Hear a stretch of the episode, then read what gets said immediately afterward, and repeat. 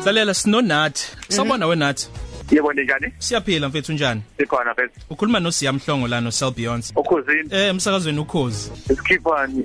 wenzani njoba kuyiholiday nje mfethu thina siyasebenza wena wenzani Angiphumile phela emva kwenkonzo enzini. oh ukwazile kodwa ukuyokhonza Eh hayi kakhulu phela. oh okay so wawuse- ngolesihlanu walithola ithuba kwakuyiholiday wawenzani ngolesihlanu Hayi ngaye enkonzweni ngeFriday. oh waye enkonzweni Yebo. yeah uhleli noba lapha Ngeni noxoli, ubani uxoli girlfriend unkosikazi wami. oh that's so sweet Ah, nenza nje awungixoxele Hayi, soxoshela ingane sikhose birthday yengane, soxoshela ikhekhe. oh wow utshela ingane ukuthi it's happy birthday izoba nemnyama kake Izoba no 5, isino 5. okay all right all right senikhulisile noxolisile Eh, Lalela ke wenathi mfethu contents woxolisile la sifuna ukuyilalela kanye nawe nomlaleli wokhozi sonke ngesikhathi esisodwa uredukiza ukuthi yini leyo nto yebo phela. iba sendaweni ethuleke mfethu khona uzoyizwa kahle